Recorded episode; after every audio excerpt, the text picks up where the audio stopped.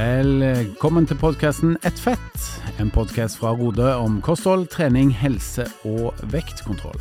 Mitt navn er Henning Holm, og jeg gleder meg til å ta deg med på en reise gjennom livsstilsendringens verden med aktuelle gjester. Hjertelig velkommen til en ny episode av podkasten Ett fett. Henning er på plass som vanlig. Har med meg eh, to eminente gjester i dag. Jeg har med meg Halvor Laustad. God dag, i dag. God dag, god dag. Og Sven Erik Dahl. Han, vi kaller han for Doktor Dahl. Velkommen. Hei, hei, hei, hei, alle sammen.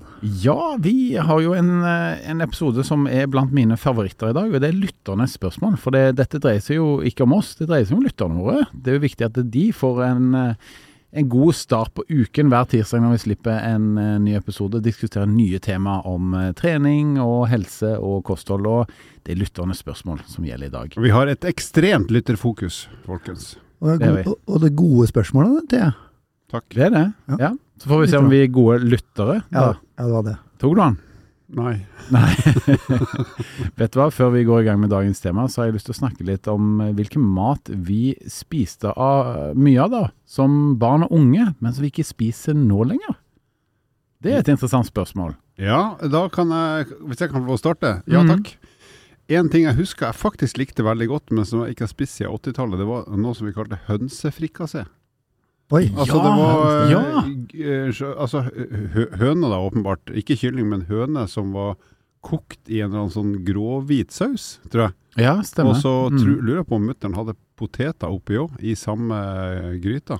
Jeg husker det du snakker om nå. Og jeg, Mm. mener, jeg mener å ha gode minner om det, men når jeg har forklart den retten til min samboer, så vrenger og vrir hun seg og har lyst til å bare hoppe ut av huset. Ja, ja, det høres ekkelt ut, liksom. Ja. Men kommer du på om du likte du det? Ja, ja, ja. Altså, jeg syns det var kjempegodt. Okay. For det var, den sausen var god, og så er jo Altså, høne er jo det samme som kylling på smak, strengt Vet du hva? Det minner meg litt sånn om pulled pork, egentlig, ikke sant? Ja, ja, det stemmer. Ja, ja. Bare litt mildere. Eller, ja. Ja, men oppi oppe i gryta da, det høres jo ikke godt ut, jeg hører det når jeg snakker sjøl, men jeg husker den retten der med gode minner jeg òg. Den, Jeg har helt glemt den. Det eneste som trakk ned av og til, var at mutter'n av og til la eh, erter oppi. Og jeg har jo aldri vært noen fan av erter. Nei, Så da måtte jeg plukke ut de for å liksom kunne nyte maten 100% ikke sant. Ja, men det var bra, bra eh, ja, En bra rett som jeg egentlig har glemt. Eh, Det var en fin start, Halvor, på spørsmålet. Hva med deg, Svein Erik? Har du noen retter som du spiser som barn, som du gjerne ikke har spist på mange, mange år? Altså Det første som jeg kommer på, da, det er jo mer sånn søte påleggssorter. Altså type Sunda og sjokade var vel noe som het og hapa. Jeg vet ikke om dere Dere er ikke gamle nok til å huske jo, ha på, jo. kanskje? De fleste. ba Banos. Banos. Banos, ja, stemmer det. Så Ja. det. Og så Ja, så kommer vi på blodpudding. Mm. Ekkelt. Ekkelt. Likte du det? Eh, Vi fikk blodpudding med altså brunost, da, som dere kaller det. Vi kaller det getost på Røros. Det blir enda verre. Rørosisk. Ja. Ekkelt pluss ekkelt. ja, det er veldig søtt og veldig rart. Jeg gleder meg ikke til det. Mm. Jeg husker vi, fikk, vi måtte spise det i militæret, husker jeg. Det, altså, for da får du jo én rett, selvfølgelig. Og da er det bare å spise, så blir du sulten. Og det husker jeg var veldig, rett og slett ubehagelig. Ja, jeg husker jo uh, lungemos, eh, og det eksisterer jo enda, for å si det sånn, i butikken. Og så ertesuppe. Men ertesuppe har jeg jo spist med ja, veldig ujevne mellomrom i senere tider, men det syns jeg faktisk var veldig godt. Vi, har, vi pleide å ha ertesuppe som forrett til pannekaker, Å ja. faktisk. Som fast. ja. Av en grunn så tror jeg mutter'n tenkte at pannekake i seg sjøl er på en måte ikke et verdig hovedmåltid. At du måtte ha noe eh, i forkant. Ja. Uten at jeg helt vet hvorfor, for hjemme hos oss er pannekake eh, good to go, det. Det er middag. Mm. Jo, men jeg kjenner på at når vi hadde pannekaker, så måtte det være tomatsuppe eh, til. For ellers var det ikke et verdig middag middags... Ja, men da har nok vi en ganske eh, like Jeg tipper mora di var den eh, ledende på matlaginga hjemme hos deg òg, kanskje? Ja da. Ja, det var hun som stort sett lagde maten. For min utmerkede mor, som jeg lever i beste velgående, hei mamma, hun tok jo husmorskolen, så det her tipper jeg de har lært ganske mange. eh, Den generasjonen har nok lært det ganske likt. Men det er jo ikke dumt eh, Det er jo ikke en dum tanke. Det å liksom ha en, en sunnere variant av en suppe, som gjerne inneholder et eller annet av grønnsaker, før du går på pannekakene, som ikke har akkurat innslag av grønnsaker. Det er jo ikke dumt. Men, nei, nei, det er jo smart. Det, Ja, ja. Nå tenker jeg det hadde Ja. jo ikke skjedd pga. tid. Ikke sant? del. Ja, ja. ja, sant. Mm. Mm. Ja, men er det andre ting som, eh, som vi eh, har glemt, som vi ikke har spist lenger nå, som vi gjerne savner? Eh, jeg savner ikke at vi hadde torsk nesten hver eneste tirsdag. Det syns jeg var den kje... Altså, tirsdag Ja. Vi tulla med det på 80-tallet, at tirsdag var den beste dagen å være sjuk på, for at da kom alle Donald Duck, alle blad kom ut på tirsdag. Ja, det stemmer. For at, da hadde du jo ikke internett. Da var det jo Mm. rett og slett den der gleden av å kunne gå i bladhylla og kjøpe seg et nytt blad. Men utover det så var tirsdag en ganske stusslig dag, for vi hadde alltid fisk og som regel torsk. Jeg bodde jo i Bodø på den tida, så vi hadde jo dessverre god tilgang på torsk. Ikke sant? Ja. Jeg syns ikke det var så stas. Halvor, jeg begynner å skjønne at vi levde mer og mer i sånn parallellunivers, for vi hadde fisk på tirsdag. Ja. Men, det, men eh, vi klarte å krangle oss til sånne fiskepinner, husker jeg. For at eh, vi, vi Kokt torsk, det var helt eh, Det var no go. Ja, da skulle du vært forhandlingsleder hos oss, for vi klarte det etter hvert. Men det var først når jeg og søstera mi kom opp i nærmere ungdomsskolealder at vi hadde nok kraft til å få igjennom det. Det var, det var Det var luksus. Ja, det var ja, det var skorpa som var god, da. Mm. Ja, torsken sto sentralt hos oss òg, men ikke bare det. Det var både sei og lyr og hele pakka. Men veldig lite rød fisk da, faktisk. For det mente min far at det er sånne oppdrettsgreier, det er ikke sunt, vet du. Det må være naturlig. Nei, rød fisk fikk vi kun om sommeren, og vi fiska Mm. det sjøl, vi. På, altså ørret sånn, Mm. i Drangedal. Ja, det, dette var interessant og egentlig litt sånn nostalgisk å høre om. Eh, hvis du, kjære lytter, kommer på diverse matretter eller produkter som du inntok som barn, som du har glemt litt, eh, og som du har lyst til å dele med oss, så ikke vær redd for å skrive det inn på Facebook på vår, eh, som heter Ett fett eh, podkast. Etter en liten straks skal vi tilbake igjen til disse lytterne og ta noen gode spørsmål som vi skal diskutere her i panelet. Vet du hva du får i et Rode-medlemskap? Du får tilgang til Rodes Ned i vekt-app, der du har full oversikt over det du spiser og det du trener, i tillegg til over 1500 oppskrifter. Du får personlig oppfølging av din veileder, og du får masse faglig påfyll hver eneste uke. Lytternes eh, spørsmål. eh, Ja, jeg tror det første her er vel mynta kanskje aller mest på deg, Svein Erik, som har lengst fartstid i Rode av oss eh, tre her, iallfall, som sitter i podrommet i dag. Og det er Beate på 62 som skriver. Jeg har gått på rodekurs i mange år, helt fra 90-tallet, da Grete Rode selv var frontfiguren. Hva mente Grete Rode personlig var det viktigste for å lykkes med å gå ned i vekt og holde seg der? Nå har jeg forresten blitt medlem, så jeg slipper å starte avsluttekurs kurs med ujevne mellomrom. Veldig fornøyd. Ja, det er Ja. veldig hyggelig at eh, Beate har vært medlem, da. Det er det er det første jeg har lyst til å si. Ja. Uh, og ja, jeg har lengst fartstid av oss tre, uh, men allikevel ikke så lang fartstid at jeg noen gang jobba sammen med gamle, gode, gamle Grete. Men du har men- lengst fartstid av oss tre på absolutt alle parametere, for du er jo snart 80 år gammel. Ja, ikke sant, ikke sant. Så det skulle bare mangle at jeg ikke som skal svare på det spørsmålet her. Men uh, gode, gamle Grete, altså det, jeg, det jeg har hørt, i hvert fall via andre, det er at hun, hun var litt sånn forut for sin tid på 70-tallet da hun starta her Grete Rode-kursene, for hun tok inn en sånn amerikansk diett, het det jo på den tida der. Uh, og det hun, hun, hun jobba faktisk som legesekretær for far sin, som da var lege. Uh, og hun irriterte seg over at han, når han fikk uh, pasienter inn som slet med overvekt, så sa han, som veldig mange gjør, at det å gå ned i vekt er ikke noe vanskelig, det er bare å trene litt mer og, og ete litt mindre. Eh, det kjente hun både på egen kropp og på andre, at det var, så enkelt var det ikke. Og ergo så starta da eh, Grete Rode kurs for å hjelpe seg sjøl og andre ned i vekt, på en litt mer eh, fornuftig måte. Det som hele tida vært mantraet for oss som nå å jobbe i Rode, det er kalorirestriksjon. Altså at du må, for at du skal gå ned i vekt så had, altså lege, fa, Faren til Grete hadde jo rett, du må jo spise mindre. Eh, Du må få i deg færre kalorier enn det du for, forbrenner. Så det har vært mantra helt fra, fra starten av. Men det som kanskje er forskjellen fra de gamle Grete Rode-kursene på 70-tallet og det som er nå, det var at det var, var mye mer strengere. Da. Det var veldig lite kalorier de skulle spise. Veldig mye sånn lett, lett variant av absolutt alt. Ja, så I dag så har du mange flere menyer på ulikt antall kalorier. Du har alt fra både 1000 til 1300, 1600, 1900 og mer. Ikke, Ikke sant? Ja. Så da, da var det en, en, et- en diett for alle, liksom, uavhengig av hvor Ja. mye du skulle ned i vekt og sånn. Mm. Og det som, men den største forskjellen er at vi nå har mye mer fokus på etter, skal si, ettervernet av en vektreduksjon. Altså Mm. stabilisering og, og vedlikehold av eh, Altså når du har nådd målet ditt, da, Ja. så må du jobbe gradvis eh, med å jobbe med det, både vanene, men ikke minst også komme tilbake til energibalanse. Ja, fordi en, en vektreduksjonsfase tar på en måte aldri slutt, og det kan jo høres litt sånn eh, litt voldsomt ut eller litt negativt ut, men det er jo som det er med både vekt og trening og helse. Det er jo ferskvare. Det er jo noe man må ivareta til enhver tid. Absolutt. Og så er det dessverre liksom for oss som da har vært overvektige, så må vi passe ekstra godt på. For det er litt, sånn fysiologisk sett så er vi konstruert sånn at uh, kroppen vil tilbake til sin største vekt. Så du må liksom overstyre de signalene som, som særlig hjernen sender ut, da. I Mm. forhold til sult og metthet og sånne ting. Ja. Det er veldig bra, Svein Erik. Gode svar, det. Jeg tror vi går videre til et spørsmål fra en kar her som heter Bernt. Han kommer fra Jessheim, og han skriver følgende. Hei, jeg har alltid spist mye potet til middag. Etter hvert også selvfølgelig pasta eller ris, litt avhengig av hva som serveres. Hva er næringsmessig det beste valget av potet, pasta og ris? Hva er smartest å velge dersom målet er å begrense kaloriinntaket, men allikevel få en god metthetsfølelse? Og her vet jeg at du har, eh, har noen gode innspill, uh, Laustad. Ja, takk for det. Først så vil jeg si, apropos det vi snakket om i stad, det med potet. Før så hadde jo vi, når jeg vokste opp i mitt hjem, så hadde vi potet nesten til hver eneste middag. Bortsett fra at det var pannekaker eller noe annet. Men det var liksom standard. Så i hvert fall fem dager i uka spiste vi potet. Og det er noe jeg har nesten slutta med sjøl. Så nå eter jeg jo nesten bare potet til eh, fiskemiddag, som vi har maks to ganger i uka. Så øh, jeg vet ikke om det er representativt for andre, men jeg spist mindre potet enn før, egentlig litt tilfeldig. Men sånn næringsmessig, ja, som er det det han spør om, så er poteten faktisk egentlig vinneren av eh, potet, pasta og ris. For der har du ganske mye vitamin, i hvert fall i forhold til andre, vitamin B, vitamin C, og du har også kalium og en del kostfiber. Så poteten er egentlig ikke så farlig som vi kanskje har blitt lurt til å tro. Det var en del snakk om glykemisk indeks, at det jazzer opp blodsukkeret osv.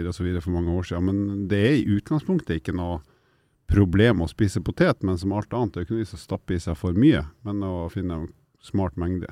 Mm. Så hvis vi ser på hvis vi sier kaloriinnholdet da, på potet, pasta og ris, hvis vi sier at vi har 100 gram vare av hver, så vil poteten være den som har minst, ca. 80 kalorier på 100 gram, og pastaen vil ligge på ca. 150 kalorier, og ris vil ligge midt imellom på sånn 120-125 kalorier per 100 gram. Mm.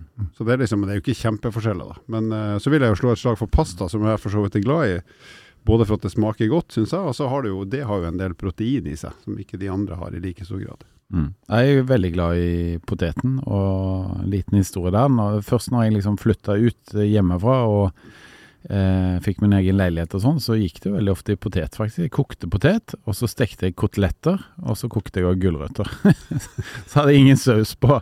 Så det var liksom studentmåltidet, da. Det, det var koteletter flere ganger i uka. Du er glad i kotelett Ja, jeg er det. generelt. Ja, husker du at. Husker du, Halvor, Halvard, meg og deg dro eh, på en hyttetur, bare meg og deg. Yes. Og så skrev vi, vi har skrevet noen bøker sammen, og så skrev vi på bøker, og på kvelden så serverte jeg kotelett. Du hjalp jo til du òg. Du lagde sausen, og jeg stekte kotelettene. Og det var masse poteter og koteletter. Vi spiste oss jo Altså, nesten det, forderva. det er to år siden. Det var rett og slett det vi kan kalle et herremåltid. Altså et herremåltid. Det var altså så godt. Og vi hadde, jeg tror vi hadde åtte-ni koteletter totalt. Og det var ikke noe småtteri. Altså. Så det, det var rett og slett et Jeg tror det var det, det var det beste måltidet mitt i 2021. Altså, og det verste var at det var en veldig hyggelig hytte. Det var ute i Horten. det Ja, ja, ja. Og da satt, ja, satt vi og skrev og prata piss og drakk kaffe og sånn gjennom dagen, og satt egentlig bare og gleda oss til at snart skal vi begynne å steke koteletter. Satt og hørte på P4 gjennom hele dagen Ikke sant? Ja. Et spørsmål. Mm. Eh, Spiste dere åtte-ni koteletter hver, eller var det på deling? Nei, vi var vel var fire hver. fire en halv hver. Ganske grove saker. Men poteten er undervurdert, altså. Jeg, jeg må si det i dagens eh, samfunn. For ungene mine de er jo ikke så glad i potet, med mindre den er strimla og kommer i en pommes frites-form. Eh, Men jeg har ei kone som er veldig glad i poteter, så hun koker poteter til middag tre dager i uken. Så jeg spiser faktisk ganske mye potet. Har du flere koner i konen som er glad i pasta òg, eller? Nei da, det holder med den ene, tror jeg. Hva, hva med deg, Svein Erik? Eh, Har du noen sånne preferanser på potet, pasta og ris? Eh, Nei, altså Jeg er veldig enig med det Halvor sa i stad. Altså, poteten har jo egentlig fått et litt ufortjent eh, dårlig rykte Det var jeg som sa det. i de siste årene, ja. du sa det kanskje det òg, ja. Uh, og det er jo ja, på grunn av det med glykemisk indeks, at blodsukkeret stiger ganske uh, raskt på grunn av det inneholder mye stivelse. Men, men jeg er enig, jeg slår slag også for pasta og ris, men da er det kanskje smart å velge den uh, fullkornsvarianten. Fullkornsris, fullkornspasta, naturris Mm. eller videre. For det inneholder mye mer fiber.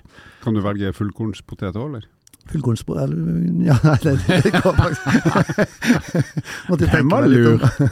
Ja. Men ris er jo veldig godt. Jeg er veldig glad i ris òg, altså. Og det er en vinner og blant barn og unge, ofte. I, I min barnslige verden så er det sånn at hvis jeg har spiser potet, så må jeg ha saus i gåsehudet for at det skal smake godt. Mm. Og det samme er det med ris. Eh, ris er kjempegodt hvis sausen er god. Hvis det ikke er saus, så klakker jeg liksom å nyte ris. Mm. Mens pasta kan jeg fint håndtere å spise uten noe saus. Altså Den syns jeg smaker godt uh, uavhengig av saus. Mm. Så Men- hvis jeg skulle regulert matinntaket, så hadde jeg nok valgt kanskje pasta der, for å unngå for mye saus. da. Ikke sant. Ja. Men- Men, men, Svein Erik, hva med sånne enkle sauser som man sånn Kikkoman, eh, Ja, sånn sweet chili, soyasaus, Ja, ja. sånne ting. Hvordan, eh, hva anbefaler du til de som du hjelper å gå ned i vekt? Ja, altså det Soyasausen det det er inneholder litt kalorier, men du, blir, du bruker jo ikke så mye av det. Og jeg tenker også mengde her er litt viktig. for sant at uh, Jeg tror man eh, spiser kanskje, når vi sammenligner ris, pasta og potet, så spiser man gjerne, i hvert fall jeg da, uh, spiser nok litt mer pasta på middagstallerkenen enn jeg gjør med potet. Så, og det er jo litt viktig da i forhold til mm, totalmengden. Hva med sweet chili-saus, da? Det bruker jeg veldig lite. Men det, Mm. men det, er, det er jo litt kalorier der også. Det er litt sånn sukkerlake? det Ja, ikke sant. Ja, så man skal sant. være litt forsiktig med det. Bra. Nei, men eh, vi går videre vi til neste spørsmål. Det er Sigurd fra Oslo som eh, sier følgende, og nå tenker jeg litt på deg, Halvor. Dette er litt i din eh, gate. Han Sigurd sier følgende. Hei, stemmer det at forbrenningen blir høyere når man fryser? Håper det, så kaldt som det er ute nå. Svaret er ja. Du forbrenner mer når du fryser fordi at kroppen begynner å riste og skjelve. Og det gjør man jo for å prøve å holde varmen. Så det er jo en slags refleks fra kroppen. Så det at det er rett og slett litt bevegelse på kroppen, gjør jo at forbrenninga blir litt høyere enn hvis du hadde stått helt stille. Men det er jo ikke veldig mye. Sånn at du kan ikke stå ute og fryse et døgn og tenke at nå har jeg brukt 1000 kalorier ekstra. Det er jo noen veldig få kalorier det er snakk om. For at de her muskulære sammentrekningene som gjør at vi rister litt på kroppen når vi fryser, de er jo så lite jobb at det er basically nesten ikke noe særlig forskjell fra hvileforbrenning. Så litt høyere forbrenning ved å fryse, ja, men ikke noe vits å regne inn i noe kaloriregnskap, og ikke noe vits å satse på det som en måte å gå ned i vekt på. Ta heller og kle på deg og bevege deg litt. Så en liten gladnyhet der i, i vinterkulda fra, fra unge herr Laustad. Ja, Hvis du skal virkelig gjøre en sånn her Det her, det her sier jeg, husk på det her er spøk, folkens. Men, men uh, hvis du skal gjøre noe som er beviselig idiotisk for å gå ned i vekt, men som, kunne, som i utgangspunktet høres smart ut, så står du ute og fryser og røyker så mye du kan om vinteren. For at da vil du fryse, riste, og så når du røyker, så spiser du ikke mat. Så det ville vært en sånn, i teorien, i teorien, hvis man ikke er veldig smart, en lur måte å gå ned i vekt på. ikke Men det sant? ikke. Men eh, en dårlig helseplan, vil jeg si. særdeles dårlig. Ja, ja, ikke sant. Så Ja. ikke gjør det. Ja, for det, det altså fra spøk til uh, alvor, da. Du kan jo si det at veldig mange som har drevet og røykt, uh, og som klarer å slutte, uh, der er det veldig mange som går opp i vekt etterpå.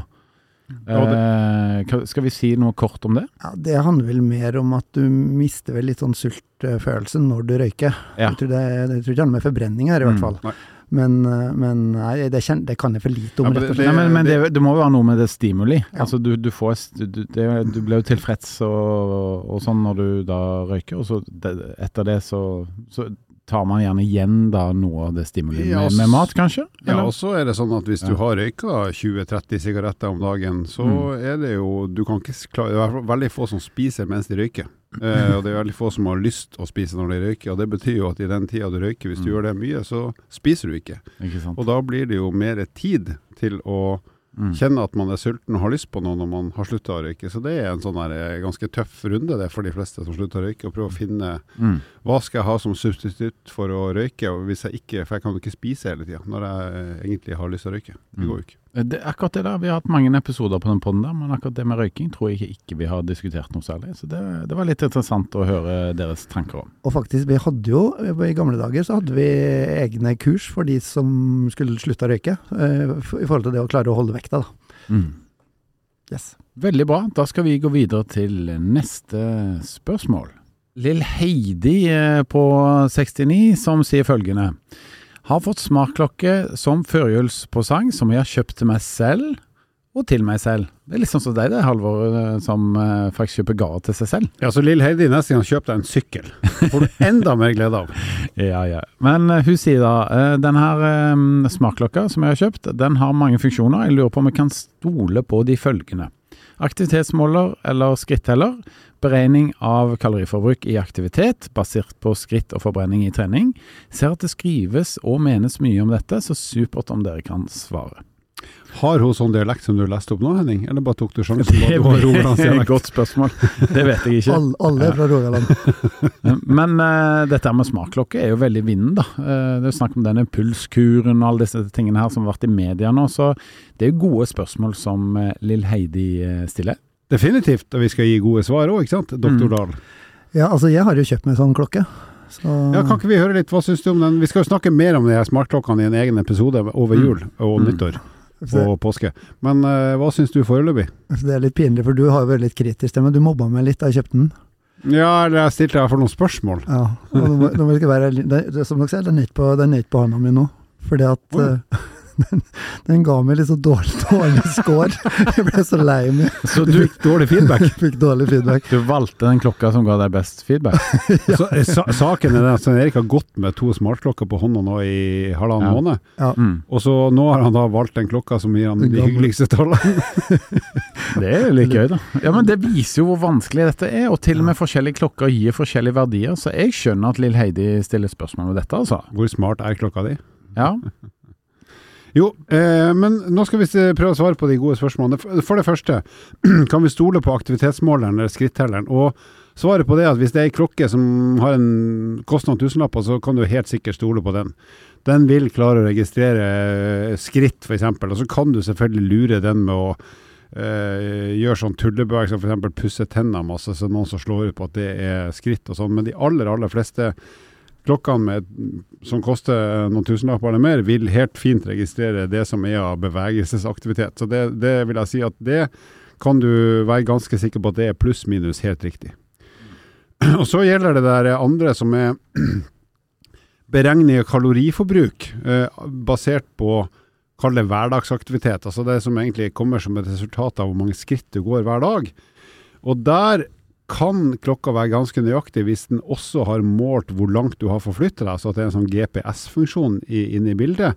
Så la oss si du har gått 10 000 skritt, og så er det kanskje noen av de skrittene som er litt kortere enn de andre for at du har gått sakte, eller at du kanskje står i en butikk eller noe sånt, og så er det noe an eh, mens en del av skrittene har gått veldig fort, f.eks. til og fra bussen eller noe sånt. Da vil den klokka være veldig nøyaktig hvis den har en GPS-måler som ser også tilbakelagt distanse, og, og, og gitt at den vet kroppsvekta. Hvis den mer er sånn generell at ett skritt tilsvarer så og så mange kalorier, så vil den jo da måtte anta ca. hva gjennomsnittsskrittet ditt er, og basere seg på det. Og da kan tallene være sannsynligvis ganske presise uansett, men de kan bli litt feil i forhold til særlig hvis du har gått fortere enn det klokka antar at du gjør i gjennomsnitt. For da, når du går fortere, så har du også lengre skritt. Så svaret på det er at det, du kan være rimelig sikker på at det er ganske nøyaktig, eh, og så vil det være veldig presis hvis det har en GPS-måler i seg. Men det jeg lurer på da, for den der fancy klokka, klokka som jeg kjøpte, den målte også søvnkvalitet og stressnivå og restitusjon etter trening og sånne ting. Det var der jeg skåra. Jeg skåra for så vidt overraskende bra på det med stress, at jeg hadde lite stress. Men jeg hadde alltid dårlig søvn og dårlig liksom, eh, restitusjon etter trening. Og det tror jeg handler om at jeg trener vanligvis ganske sent på kvelden.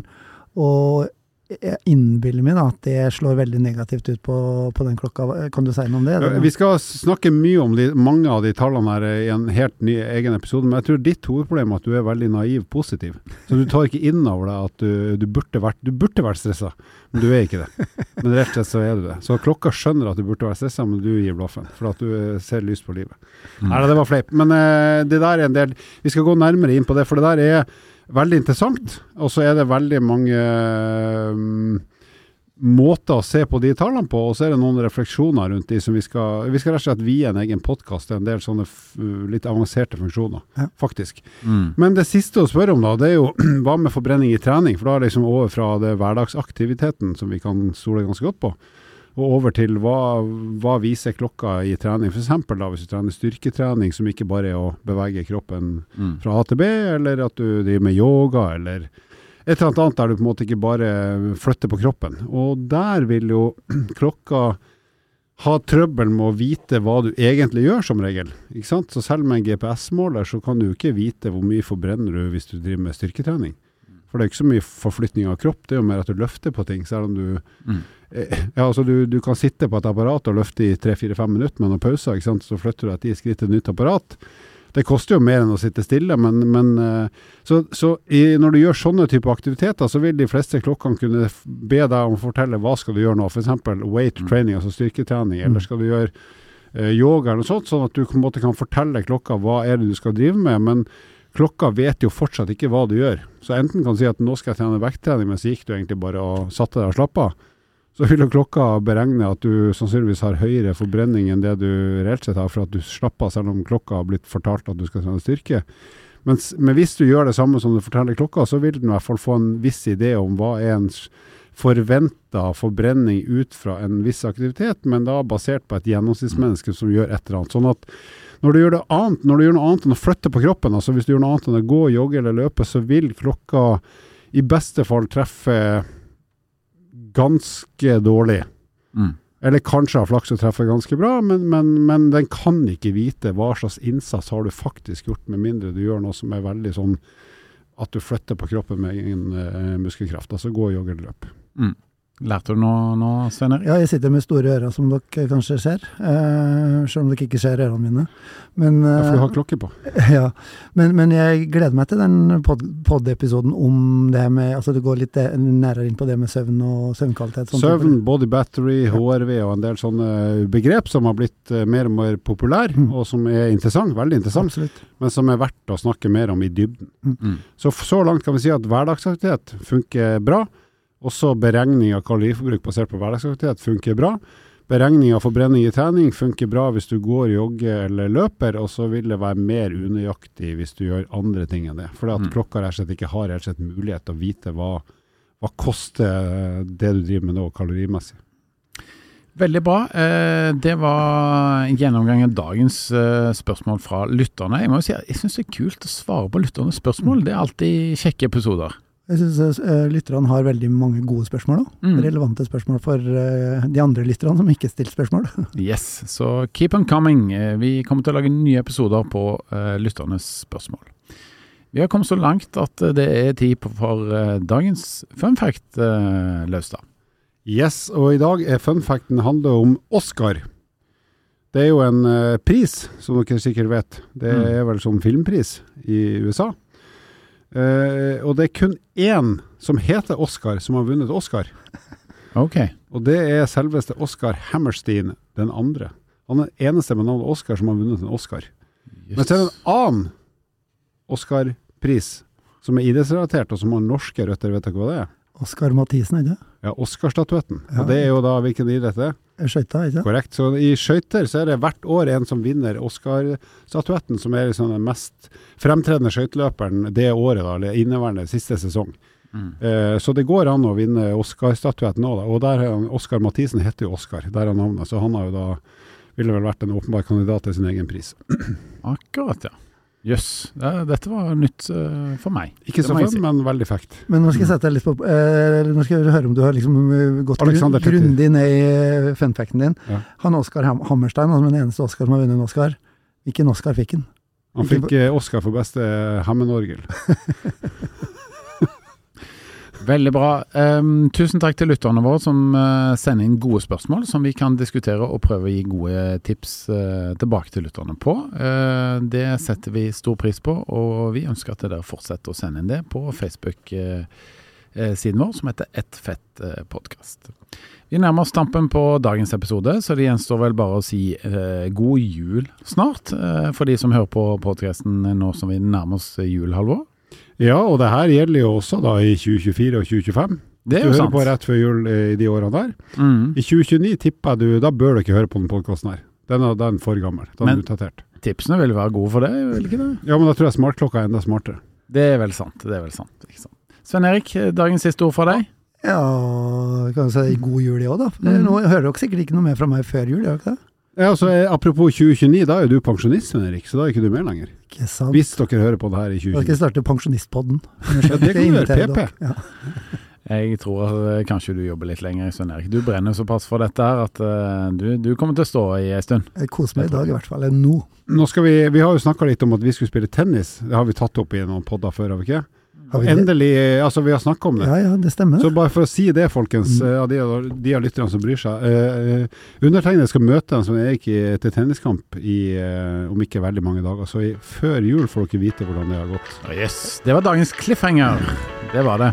Vi sier takk for oss. Ha en riktig fin uke. Takk for at du lytta på nok en episode med podkasten Ett fett. Dersom du er interessert i å lese mer om eh, livsstilsendring, gå inn på Rode-magasinet på rode.com. Vil du stille oss spørsmål som vi kan diskutere i en episode, ikke vær redd for å sende inn på Facebook eller Instagram hos eh, Rode. Til neste gang, vi høres.